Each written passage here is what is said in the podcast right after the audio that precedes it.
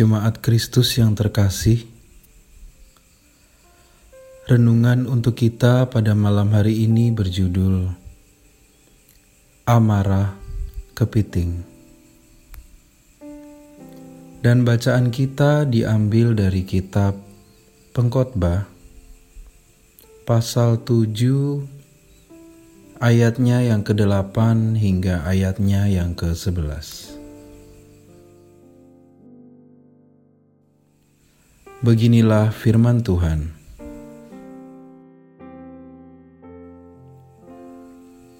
Akhir suatu hal lebih baik daripada awalnya. Panjang sabar lebih baik daripada tinggi hati. Janganlah lekas-lekas marah dalam hati, karena amarah menetap dalam dada orang bodoh. Janganlah mengatakan mengapa zaman dulu lebih baik daripada zaman sekarang. Karena bukannya berdasarkan hikmat, engkau menanyakan hal itu. Hikmat adalah sama baiknya dengan warisan dan merupakan suatu keuntungan bagi orang-orang yang melihat matahari.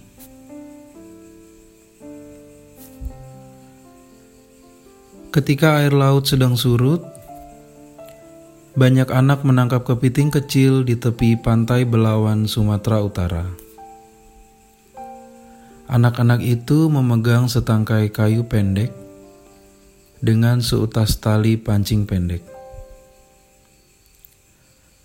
Sebuah batu atau kayu yang sangat kecil diikatkan di ujung tali pancing.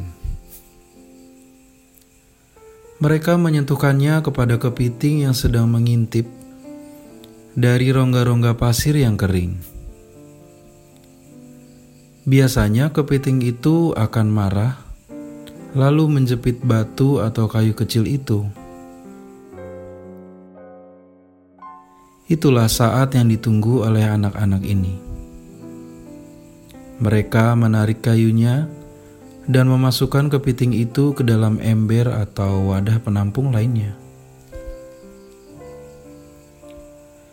Kepiting itu akan menjadi mainan mereka atau kemudian dijual seharga 500 rupiah kepada anak lain. Amarah telah mencelakakan si kepiting. Banyak hal yang dapat memancing amarah kita dan menguras persediaan kesabaran kita. Namun kemarahan sering kali membuat seseorang bertindak dengan tidak bijaksana.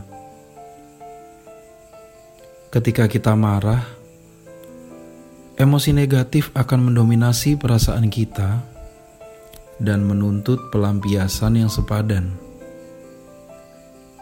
Ketika melampiaskannya, mungkin kita merasakan kepuasan sesaat. Namun setelah itu, kita dirundung oleh penyesalan dan rasa bersalah. Kadang-kadang amarah bahkan bisa mencelakakan kita. Untuk dapat meredam amarah, kita perlu melatih dan memelihara kesabaran. Bukan berarti kita tidak boleh marah, namun emosi kita semestinya tidak lekas terpancing. Kita juga perlu belajar untuk marah pada saat yang tepat dan memberikan respon dengan cara yang benar, sehingga kita tidak perlu menyesalinya kemudian. Akan selalu ada perkara yang memancing kemarahan kita namun kita dapat memilih untuk tidak menanggapinya.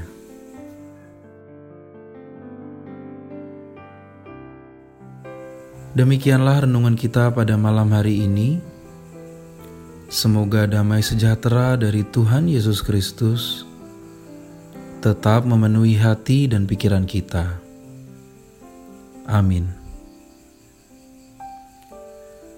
Jemaat yang terkasih, Mari kita bersatu hati menaikkan pokok-pokok doa yang ada dalam gerakan doa 21 GKI Sarua Indah.